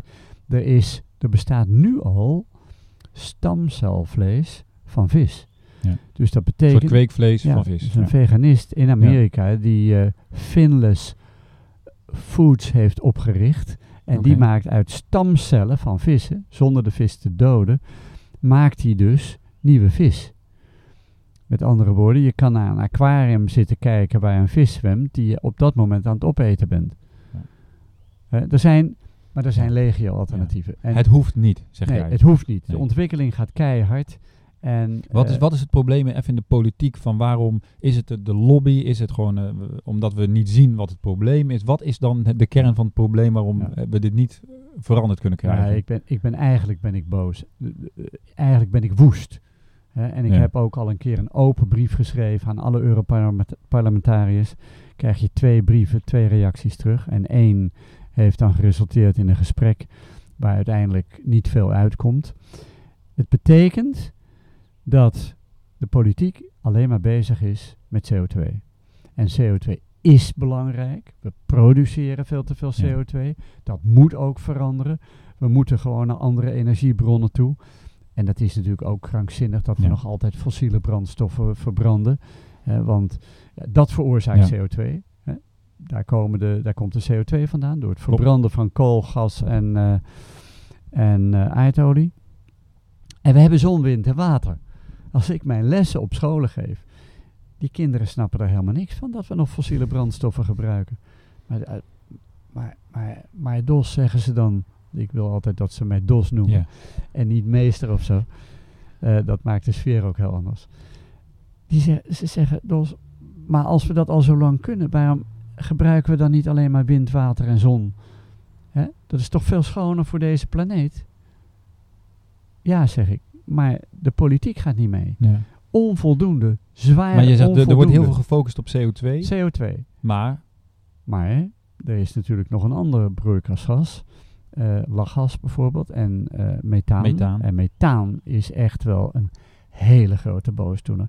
Methaan zorgt waarschijnlijk, men zegt, 27 keer eh, klimaattoxischer dan CO2. Dus veehouderij, hè? 27 keer sneller, snellere opwarming van de aarde. Dus van hè, de, de atmosfeer, maar ook van de oceaan, dan CO2. En daar hoor je helemaal niemand over binnen de politiek. Wel bij de wetenschappers, Ja. maar niet bij de politici. En dat moet nou eens een keer ophouden. Dus eh, CDA, VVD, sorry dat ik de partijen Mhm. maar even Heel noem. goed. Die zijn dus eh, heel trots dat ze zo bezig zijn met klimaatverandering. Maar er wordt geen woord gerept over oceaanverzuring. Geen woord gerept over ontbossing. Geen woord gerept over methaan en de vee-industrie. En dat zijn eigenlijk nog grotere boosdoeners. Ja. Tuurlijk is het belangrijk om van die CO2 af te komen. Maar in godsnaam, mensen, doe toch eens een keer eh, echt iets wat nog veel nuttiger is. En zorg dat we van die intensieve veehouderij afkomen. Want dat zijn de grote boosdoeners. De planteneters die methaan veroorzaken. Waar we er veel te veel van hebben. Veel te veel. We hebben 7,6 miljard mensen op het ogenblik. We hebben 70 miljoen, miljard dieren, geloof ik, per En we jaar. hebben een Ja. kleine 70 miljard dieren. Hè? Het hele die jaar geslacht door. worden per jaar. Ja. Ja, die per, per jaar geslacht worden. Dat, dat betekent zo ongeveer 2,2 miljard dieren per week die we slachten. En dat is nog zonder alle vis. Vissen. En zonder alle garnalen en kreeften en andere dieren, ongewervelde dieren, zoals eh, sprinkhanen. Ja. Eh, Ik noem maar even een voorbeeld, want dat, is ook, in- dat zit ook in de lift. Ehm, dus mensen zijn echt gewoon, de politiek is gewoon dom bezig. En dan zeggen ze wel, ja, maar alle beetjes helpen. We moeten beginnen bij het belangrijkste. En die fabrieken moeten we vanaf eh, die uitstoot van de CO2. Klopt, is juist. Maar hè, pak in godsnaam nou ook eens de andere problemen aan. En oké, dat is tegen jullie eh kiezers eh, eh, Wat- Want de kiezers van het CDA, dat zijn de boeren. En de boeren, die produceren dieren, die kweken dieren. En die dieren kweken, die zorgen voor de, voor de methaan. Ja. En, en dat betekent dat die opwarming van de aarde alleen maar sneller gaat. En dat de gletsjers nog sneller afkalven. wat, wat, wat moet iemand die luistert nu doen? Die denkt van ja, het is een heel groot probleem. Eh, Nou, dat is makkelijk. Stap hè? 1. Het is heel gemakkelijk. Ik zeg altijd, ik ben blij met elke vermindering van de vleesconsumptie. Met elke vermindering van de dierenconsumptie. maar het mooiste zou natuurlijk zijn, en daar is heel veel onderzoek naar gedaan. De laatste studie, die is van 1 juni van dit jaar, 2018. 18. En in die studie, en die stuur ik ook aan iedereen op die mij dat vraagt. Daar staat heel nadrukkelijk dat als de hele wereld plantaardig zou leven, zich plantaardig zou voeden, Mhm. met alle prachtige alternatieven die er tegenwoordig zijn, dat kan, Ja. dan komt meteen al 67% van alle landbouwgrond vrij. Waar we nu allerlei gewassen op kweken die bestemd zijn als diervoeder. Ja. Hoe stom kun je het doen? Ja, ik heb in het Ja. begin al even van dit interview gezegd van het is onhandig om vlees te eten Ja. als het gaat over eiwitten. Want je kunt veel sterkere en energierijkere Ja. eiwitten maken van planten. En dit is ook weer een omweg. We gaan dieren eten ja, die ontzettend veel broeikasgassen veroorzaken. De klimaatverandering eh, als belangrijkste oorzaak Ja. hebben. We weten nu uit studies dus dat 51%, ja met die computerprogramma's komt dat uit op, op, op, op heel nauwkeurige Ja. getallen. 51% van de klimaatverandering is, de, is het gevolg van de dierenindustrie. 51%. Maar stel je voor, hè, die 67% landbouwgrond, die komt vrij. We hebben meer dan genoeg grond ja. om allerlei andere gewassen te kweken om zelf op te kunnen eten. De honger zou in één klap de wereld uit zijn. De biodiversiteit zou weer toenemen. Eh, de oceaan zou stoppen te verzuren. De regenwouden en de mangrovebossen kunnen we weer aan gaan planten. ja. Ik zie Ja. weer een twinkeling in jouw ogen. Ja, dit was is mijn droom. Het was natuurlijk, ja, je, je zou bijna denken, ja, is dit nog, o- is dit nog om te keren? Tuurlijk is het om te keren.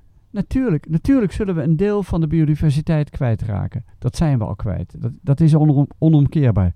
Maar eh, de toekomst kan zo mooi zijn.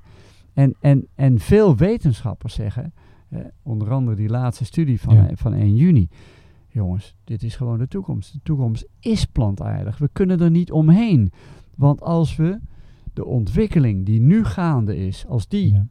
voortschrijdt en andere landen, wat we dan derde wereldlanden noemen, waar armoede heel gewoon is, waar mensen moeten knokken om een beetje te eten te krijgen, eh, die, die honger zou in één klap de wereld uit zijn. Ja. Maar als die mensen zouden gaan leven zoals wij in het rijke Westen leven, hebben we drie planeten nodig. Drie keer de aarde. En dat kan helemaal niet. Dus de toekomst moet, Moet. plantaardig worden. Het Ja. kan niet anders. En VVD, ook D66, eh, CDA, ChristenUnie. Doe nou eens wat de Bijbel al heel lang geleden vertelde. Eh, slacht geen dieren, maar eet de planten. Ja. En dat staat letterlijk in de Bijbel, maar dat wordt altijd overgeslagen. eh, dat hoofdstukje. Ze aten de, de vruchten hè, van de bomen. Precies. Maar we kunnen een fantastische toekomst tegemoet gaan als we stoppen met het consumeren van dieren Ja. en het kweken van dieren. We zijn in één klap van de methaan af. Eh, we zouden een heel groot gedeelte van de CO2-productie ook al kwijtraken. Ja. Ja, dus dit is het allerbelangrijkste advies wat veel wetenschappers al lang geven. Ja. Maar wat de politici, die rapporten van de IPCC, hè, de Intergovernmental Panel on Climate Change, die verdwijnen in de la waarop staat niet lezen, eh, want dan raak ik mijn kiezers kwijt. Ja. Nou, wat ik wel heel mooi vind is dat jij aan elkaar linkt nu eigenlijk het zuurstoftekort, zeg maar. We zien, eh, over, hè, dat was ook een beetje mijn idee van ja, ja, er sterven dan eh, vissoorten uit. Dat is wel jammer en die raken we dan kwijt. Nou ja, hè, en zo verliezen we heel veel soorten en zo Ja. verliezen we natuur, maar het gaat wel door allemaal. Ja, ja Maar als je het even het plaatje rondmaakt, tuurlijk. dan blijkt dus dat het, ehm, wij hebben elkaar allemaal nodig op Ja. aarde. Ja, en ik heb dit dus ontdekt met hulp van heel veel Ja. wetenschappers en heel veel studie en heel veel eh, artikelen die er constant maar verschijnen. Aan de hand van mijn duikervaringen. Ja. Dus de oceaan is mijn allerbelangrijkste ecosysteem. Niet alleen mijn, maar van, van iedereen. Eh, produceert heel veel zuurstof, heel belangrijk. Maar die oceaan gaat kapot. En die oceaan gaat kapot omdat wij waanzinnig veel dieren kweken. En Ja. dat veroorzaakt heel erg veel ellende. We kunnen dus oneindig veel duurzamer leven Ja. als we plantaardig zouden leven. Ehm, even nog over die, de oceaan. Je hebt daar gedoken. Ehm, eh, eh, wat zijn nog de mooie plekken die, Eh, nog- die nu nog zijn? Ik nou. bedoel, wat, er zijn natuurlijk heel veel mooie plekken, maar Ja. je hebt een keer genoemd de. Seychelles. Hè? Dat was ooit nou, fantastisch, maar daar is nu... Ja, de Seychelles is Ja. hopeloos geworden. Hè? Dat is echt hopeloos. Eh, daar waren prachtige riffen. Eh, die zijn al lang weg. De laatste keer dat, dat Bertie en ik daar waren. ik heb vijf keer gedoken. En toen was ik zo depri dat ik gezegd heb: één, ik kom hier nooit meer terug. Hoe mooi het ook is op het land. Ik kom hier nooit meer terug, want dit is walgelijk. Want de allerbelangrijkste industrie is de tonijnvisserij. Oh, tonijnvisserij. Ja, ja, ja, en daarna het toerisme. Tonijnvisserij, eh, dat doen ze met longlining. Dus longlines, dat zijn Vanaf lijnen van boot. 80 tot 100 tot 110 kilometer lang. Waar zijlijnen aan zitten. Daar zitten hele scherpe haken aan. Hele grote haken. En eh, daar vangen ze niet alleen tonijn mee. Want die lijnen worden steeds langer omdat er steeds minder tonijn Ja. is. Maar daar vangen ze ook heel veel zeevogels mee. Die duiken Ja. naar dat aas dat er levend overigens aan die, dat is bijna altijd inktvissen, aan die, aan die haken wordt eh, gespiest. Daar vangen ze heel veel dolfijnen mee, heel veel jonge haaien mee, heel veel zeeschildpadden. En ik heb op een gegeven ogenblik, was ik aan het duiken, waar ze kennelijk al die bijvangst dood eh, van die haken afgehaald hadden. En ik zag alles daar dood op de bodem liggen. Alles was verder kapot. Eh, ik vond een zeeschildpad eh, die te zwaar was om, eh, om te vangen door een, een duiker die daar op zoek was naar een zeeschildpad om op te eten. En die had die zeeschildpad wel vastgehad, had een koord, een koord om een van zijn flippers gedaan en dat vastgebonden aan een groot stuk dood koraal op de grond. En die zeeschildpad was gestorven. Omdat hij niet eh, boven naar, de bo- kon. naar, naar boven kon om lucht te happen. Nou ja, en zo sprak ik met een wetenschapper eh, op een eh, vogelreservaat, een van de eilandjes, waar toeristen alleen maar met speciale permissies mogen komen. En die zei, wij raken gemiddeld 100.000 van onze zeevogels kwijt. Alleen maar door de tonijnvisserij. Want wat gebeurt er? Ongelooflijk. Ja, dat is on- onvoorstelbaar. Wat gebeurt er namelijk? Sinds jaar en dag, sinds de tonijn en andere roofvissen bestaan, die vooral eh, scholen met kleine visjes opjagen naar boven. Omdat ze dan, eh, dan krijgen ze een beetje hetzelfde wat wij als duiker krijgen als we te snel naar boven gaan. Een beetje caissonziekteachtig. Die visjes die worden lomer en die zijn veel gemakkelijker te vangen. Dus die dolfijnen die jagen die visjes naar boven. Maar de zeevogels die weten dat ook al miljoenen jaren. Ja. En die duiken dan naar die visjes. En die kunnen overleven dankzij eh, de tonijn. Maar er sterven dus zoveel zeevogels aan de haken van die verschrikkelijke longlines. Dat, eh, ja, dat is een ramp. Ongelooflijk. Ja, En dat is een van de grootste inkomstenbronnen van het land. Ja. Zoals heel veel landen natuurlijk. de grootste, de bron van inkomsten. Totdat er bijna geen tonijn meer Nee, is dan natuurlijk. houdt het op, en uiteindelijk. dan houdt het op, ja. Dan houdt het vanzelf op. Ja, want ook daar Dat is natuurlijk de naïviteit, hè? dat je Ja. denkt van ja, maar we verdienen er toch geld mee en we hebben dus werkgelegenheid. Ja, tot het op is. Ja. Maar ja, kijk naar Zweden. Daar hebben ze op een gegeven ogenblik, ze, is de regering gezegd van, eh, sorry jongens, die en die en die soorten mogen niet meer gevangen worden. Heel veel vissers zijn werkloos geworden, zijn niet gecompenseerd, maar zijn nu allemaal op hun pootjes terechtgekomen. De een is natuurgids geworden, de ander Ja, wat anders. ICT-deskundige. Kortom, iedereen heeft het Ja, zonder ik kan me daar soms ook druk om maken. Dat ik denk van als het gaat om de boeren en de vissers, Ja. dan is het allemaal verschrikkelijk. Ja. En wat moeten die mensen dan gaan doen? Terwijl ik denk, iedere andere gewoon industrie, als ik een winkeltje heb en er komen geen klanten meer binnen, dan moet ik iets anders gaan doen. Maar op het moment dat ik een boer ben of een visser, nou Ja. dan ehm, Ja. moet de overheid eh, mijn handen erboven Ja, het hoofd Maar er is een heel belangrijk rapport uit 2013 van de Verenigde Naties. Die hebben uitgerekend eh, hoeveel schepen, visserschepen er eigenlijk zouden moeten verdwijnen. 13 miljoen Zo. van de 22 miljoen, waaronder alle grote fabrieksschepen. Die zouden eigenlijk stand te peden moeten verdwijnen. Nou, we zijn nu vijf jaar verder. Er is geen schip eh, uit de vaart gehaald. Eh, en, zeggen ze daarbij, voor degenen die zich zorgen maken over wat er dan met de vissers gebeurt. We hebben op dit moment, dat is vijf jaar geleden, het is nu alweer veel Mhm. meer. 22 miljard euro die we aan subsidies aan de visserij uitkeren om die laatste vissen maar uit zee te trekken. Zwaardere motoren, grotere netten, dat soort zaken. Eh, Ja. Dat geld is meer dan voldoende, want dat wordt elk jaar in de visserij gepompt, wereldwijd. Dat is meer dan voldoende om al die vissers een mooi vak Ja. te kunnen zeggen, leren. Als je dat geld gewoon, dan kunnen die mensen allemaal omscholen. Waarschijnlijk kunnen ze gewoon de rest van hun leven. Zo is het. Ja. Zo is het. Absurd, hè? Welk land ter- op de wereld doet het, zeg maar, is vooruitstrevend als het gaat hierom? Weet je daar iets van? Je noemde al eh, Zweden of Noorwegen. Ja, Zweden wel.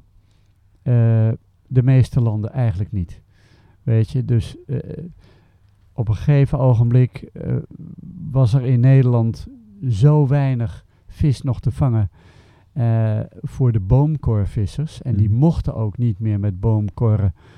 Dat zijn Oh. hele zware balken die over de op de bodem, bodem. Ja. schrapen en die alles meenemen. 90% bijvangst in de garnalenvisserij bijvoorbeeld en 60% in de platvisvisserij.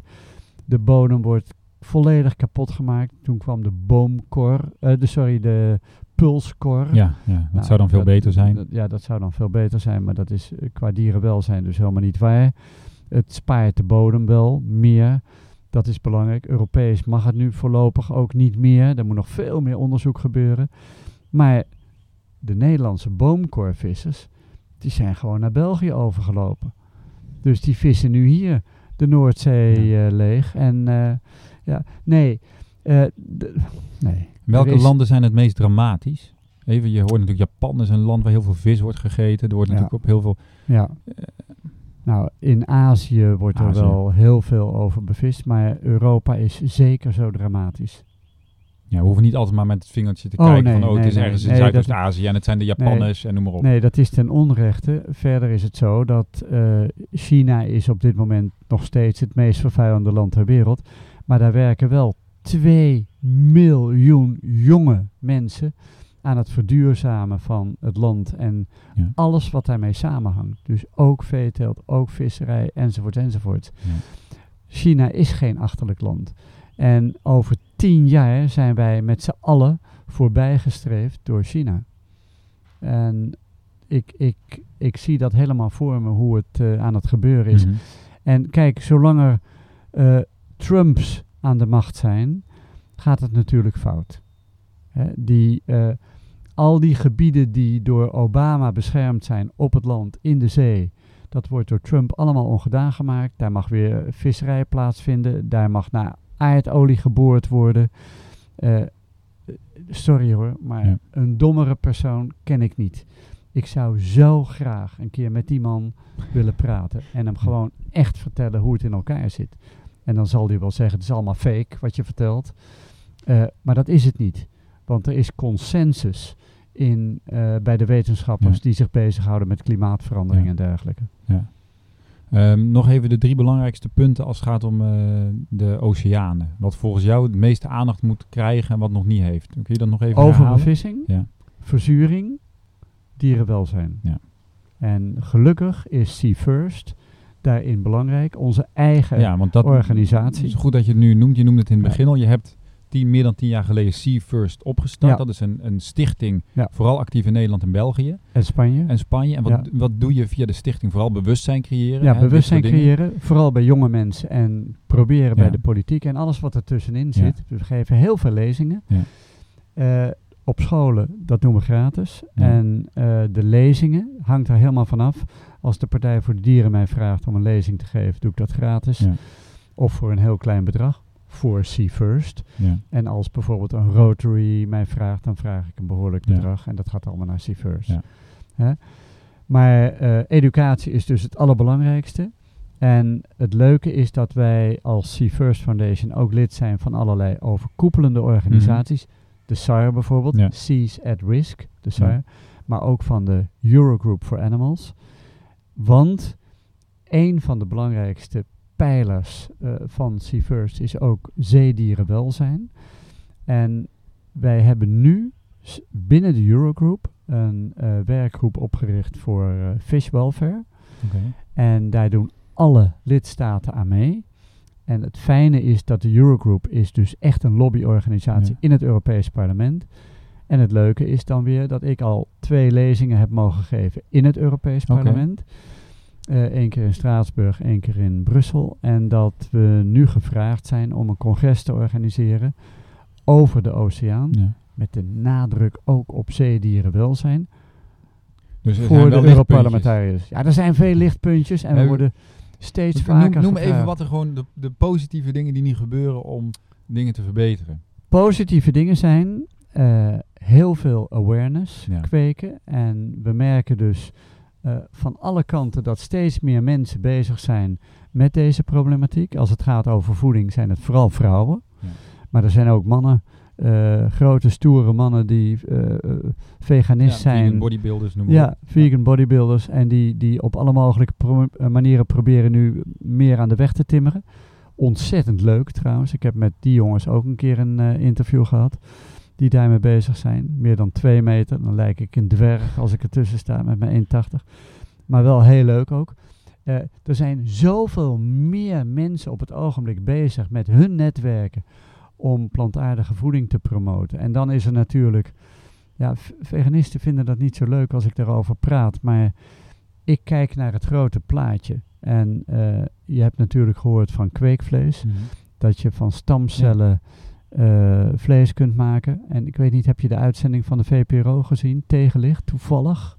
Wanneer? Even terugkijken. Nou, ga ik terugkijken Een, maand of Nou, Nederland is daar wel vooruitstrevend in Ja, natuurlijk. zeker. Ik heb trouwens Ja. eh, Jan Post, heet hij geloof ik. Hans Post. Hans Post, Ja. die staat wel op mijn lijst om eh, Oké, te te interviewen. Leuk. Klopt. Ik ga hem ook Oké, interviewen. mooi. Ja, want ik, heb, eh, ze hebben, ik ben zelf geïnterviewd bij Café Weltschmerz. Dat Oké. is zoiets als het gesprek.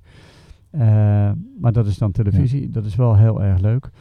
En zij hebben mij nu gevraagd om eh, interviewer te worden. Oké, leuk. Ja. Ja. Maar kweekvlees is eh, wat jou Kweek- betreft een goede oplossing. of kweekvis. nou, ja, ja, ja. natuurlijk. We Ja. kunnen op dit moment uit stamcellen, die haal je uit levende Ja. dieren met een naaldbiopsie. Ja. Hè? Dus je, je steekt een naald in zo'n dier. Nou, ja, dat doe je bij mensen ook vaak. Ja. Eh, dat is jammer, maar dat doet even pijn. En uit die stamcellen kun je alles maken. We kunnen tegenwoordig vlees maken. Je kunt er zelfs een vetrandje omheen laten groeien. Je Ja. kunt er bloedvaten in laten groeien. Dat je het verschil tussen een gewone biefstuk en een, eh een stamcelbiefstuk niet meer ziet. Je kunt zuivelproducten maken uit stamcellen. Je kunt vis maken uit stamcellen. Kip, noem maar op. En dat programma van de VPRO moet je even op uitzending gemist Ja, bekijken. Dat begint met een kip. Je ziet die kip daar scharrelen en pikken, eh, graantjes van de grond. En daar zitten mannen om tafel. En eh, daar zitten veganisten bij. En die zitten die kip op te eten.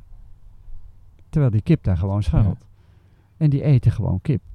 Gemaakt van stamcellen. Stamcellen van die kip. Ja. En Hans Post, die heeft, ehm, want ik was een keer bij een lezing en ik heb hem nu uitgenodigd voor een interview. Die heeft uitgerekend dat van de 67 miljard dieren die op aarde rondlopen om opgegeten te worden en om een hele nare dood te sterven, eh, daarvan zouden we maar 34.000 nodig hebben om Om- voortdurend stamcellen te kunnen krijgen. Ja. Maar wat, wat, wat, wat- ik me nog afvroeg is, wat eten die stamcellen? Of die, dat kweekvlees moet ook... Dat is wel een belangrijke krijgen, vraag. Ja, die moeten voeding krijgen, maar ook die kunnen we tegenwoordig al eh, maken op een synthetische manier. Eh, daar hebben die dieren ook niet meer voor Nee. nodig. Dus dit is in een Ja. enorm eh, Ontwikkelings- een enorme toename ja, qua snelheid van de ontwikkeling in dat, inderdaad. En veganisten worden soms boos op mij omdat ze zeggen: ja, maar dan heb je die 34.000 dieren en die worden toch mishandeld. Ja, daar wordt een naaldbiopsie gedaan. Daarna mogen ze hopelijk Ja. de wei in. Ehm, maar het betekent wel dat we van de methaan af zijn. Ja, precies. Dat we van de oceaanverzuring Het is al af een zijn. stuk beter Ja. Natuurlijk. Laten we niet moeilijk doen daarover. Nee, want Iedere daarom- stap voorwaarts is Da- voorwaarts. daarom zeg ik ook, ik moedig mensen aan, begin met minder vlees te eten. Ja. Als je flexitariër bent, draag je ook bij aan een betere wereld. Ja. Snap je? Alle beetjes helpen. Dus mijn filosofie is, alle beetjes helpen. Ja. En kijk, die mensen die al heel bewust bezig zijn daarmee, die komen geleidelijk aan toch wel verder. Ja. Omdat de ontwikkelingen ook niet stoppen. Hè? Ja. Heb je alles iets eh, gegeten van kweekvis of kweekvlees? Nee, dat zal ik ook nooit doen. Oké. Nee, Dat zou jij niet is doen? aan mij Nee, niet besteed. Ik vind dat de alternatieven, de plantaardige alternatieven, steeds beter worden. Ja. Maar ik juich het wel Jij toe. bent ook al heel je leven vegetariër. Ja. Precies. En ik heb er ook helemaal geen, Geen behoefte, behoefte, nee. om, om iets dierlijks te eten. Heb ik ook niet, maar ik denk Nee. ook van ja. nou, Ja, Oké. nee, ik ga het ook niet stiekem Nee. proeven of zo. Nee, weet je, dat, dat hoef ik niet. Nee, ik eet zo niet. lekker en Ja. Bertie kan heerlijk Ja. koken. En ik heb zelf veel geleerd eh, op dat gebied. Dus, nou, het eh, mooie is natuurlijk met veganistisch koken, je hebt toch de wereldkeuken in huis. Absoluut. En dat is natuurlijk Ja. een, veel, een grotere verrijking van je voedingspatroon dan de Zeker. meeste vleeseters. Ja, die eten heel, meestal hetzelfde. Een hapje vlees, en een beetje eh, groente en een Klaar. En wij gaan, wij eten heel, Betty kan heel goed exotisch koken. Dus Thais en India's en Indonesisch. En we hebben gelukkig hier in de buurt eh, een heleboel leuke restaurantjes waar dat prima kan. Ja. En er zijn eh, ja, steeds meer prachtige vegetarische Ja. en veganistische alternatieven. Mooie Klopt. restaurants eh, Zeker. in, in, in allerlei steden in Nederland en België. Ja, het is enorm in opkomst. Ja. En hier in België liepen we enorm achter. Nou, dat hoor ik ook wel, dat België eigenlijk achterloopt. Ondanks dat Gent misschien wel de Ja. hoofdstad is van... Eva in Gent. Ja. Maar de hoogste toename, de grootste toename van het aantal veganisten in België is dus Europees gezien in België. Hm, 17% toename. enorm. En dat komt door al die walgelijke beelden die eh, Telkens naar buiten komen. gemaakt zijn. Ja. In in- in slachthuizen, slachthuizen, ja, Ja. ja. En de jeugd is daar heel gevoelig voor. Ja. Leuk hè? Ja, mooi. Wat staat er voor jou de komende jaar of de komende jaren op je agenda van wat jij wil bereiken? Je hebt iets met de politiek. Je Ja. hebt een agenda, je wil. Brussel binnen, je gaat ook spreken opnieuw. Ehm, eh, wat wil je? Eh, ik zou dolgraag eh, debatten willen hebben met de politici in Nederland en België. Ehm, dat is één. Ik zou nog veel meer mensen willen opleiden om ook naar de scholen te gaan. Daar zijn we nu mee bezig. Ja, want hoe, je, hebt een aantal, je hebt vrijwilligers die Ja. met See First de scholen bezoeken. Klopt. Ja, maar zelf doe ik nog altijd het meest. Oké. En ik ben wel natuurlijk 71 en ik barst van de energie. Nou, dat is ik, duidelijk, ja. en ik hoop dat ik door kan gaan tot ik omval. Maar we moeten een veel groter lesgeefteam hebben. ja. En dat is leuk. En eh, verder toch van onderaf de consument beïnvloeden. Ja. En ik, ik zie dat het werkt. Hè. Ik krijg net een eh, bericht binnen.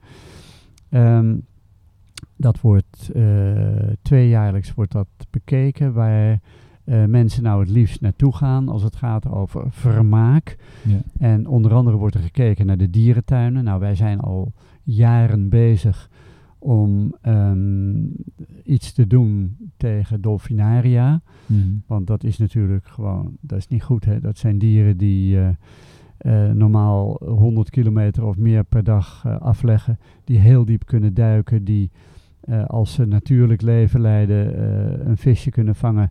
En dat ook doen op hun eigen jachtmethode. In een dolfinarium kunnen ze drie meter diep. Kunnen ze alleen maar rondjes zwemmen. K- hebben ze heel veel stress. Worden de dieren heel vaak eh, sed- sedativa toegediend. Ja, ja, ja, ja. Ja. Eh, ja, en krijgen ze een dood visje als ze Ja, beloond als moeten beloning worden. als ze een sprongetje maken. Ja, precies. En als ze dat niet doen, krijgen ze ook vaak geen eten. Dus dat is Er ernstig. vaak gezegd dat die dolfinaria belangrijk zijn om bepaalde dolfijnen dan op te vangen die niet in het wild kunnen. Bullshit, sorry. Ik zeg het voor de tweede keer, maar dat is echte onzin. Want het gaat over de tuimelaars, dat zijn de, en de spitstuitdolfijnen. Dat zijn de meest voorkomende dolfijnen in gevangenschap. Daar zijn er gelukkig nog heel veel van. Dat is onzin. Het heeft met conservation helemaal niets te maken. Het heeft alleen maar te maken met geld. En we hebben nu net dus gehoord van dat Ja. onderzoek dat gedaan is, dat het dolfinarium sinds 2010 al minder populair is. En dat is het moment ook dat we begonnen zijn met een aantal Ja. dierenactivistische organisaties om eh, te ageren. En eh, als wij een les geven over dolfijnen op school, op de lagere scholen, en we vragen voordat de les begint: Jongens, wie is er al eens in een dolfinarium geweest? Steekt bijna iedereen zijn vinger op. En na afloop, als ik het dan vraag: Jongens, wie van jullie zou nu nog naar een dolfinarium gaan? Ik krijg hoogst zelden één vingertje en dan vraag ik waarom. Ja, ik vind het toch wel heel erg leuk. Maar de meesten zeggen: Nou, dat doen we niet meer. Uiteindelijk is het business. Het is gewoon business. Ja. En nu, hè, nu wordt dus gesteld in dat laatste onderzoek. Dolfinarium zal keihard moeten werken aan alternatieven. Eh, bijvoorbeeld prachtige 3D-films waar de kinderen met zo'n eh, Ja. eh, virtual reality bril op zitten en zitten te kijken naar dolfijnen in het wild en olifanten in het wild en alles. Ja. Dat zouden ze moeten doen. En dan, ja, dat is Ja, gigantisch. Maak er iets anders van. Want wij willen natuurlijk vooral niet de middenstand in Harderwijk en in Zeebrugge eh, willen we negatief beïnvloeden. Nee, nee, dat dolfinarium mag blijven bestaan, maar met een andere naam en eh, met een andere functie. Een, een, een waterpretpark, daar zijn ze al mee begonnen trouwens. Ze zien de storm natuurlijk Ja. hangen. Maar er staat heel duidelijk in dit laatste artikel dat de kinderen, maar ook de moeders, eh, vooral nu inzien, de ouders, eh, dat dit eigenlijk niet, Niet meer van is. deze tijd Nee. is. Nou, Dus het werkt wel. Ja. En we zien het, hè? Nogmaals, toen ik vroeger vertelde, ik ben vegetariër, of later veganist, kreeg je allerlei eh, weerstand. Van Ja. ja. maar jongen, kun je dan nog wel gezond blijven? En, en, enzovoort, enzovoort.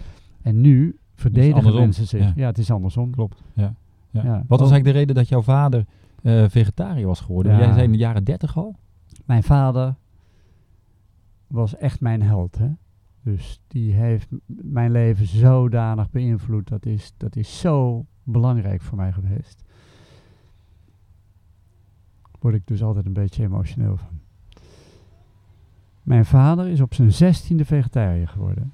Die werkte vaak eh, bij een oom Hm. op een boerderij. En eh, dat gebeurde in het weekend en in de vakanties. En hij had eigenlijk helemaal geen idee wat er op zijn boerderij allemaal gebeurde. En, en hij had een, een lievelingskalfje en op een goede dag kon hij dat niet meer vinden. En toen bleek het eh, met een haak door een achterpoot aan het plafond te hangen. Met een halssnede. Het leefde nog, het bloedde leeg. En eh, hij was toen 16, 1932. Hm. Hij heeft gezworen nooit meer een dier te zullen eten. Ja, en hij is op één jaar na 80 jaar vegetariër geweest.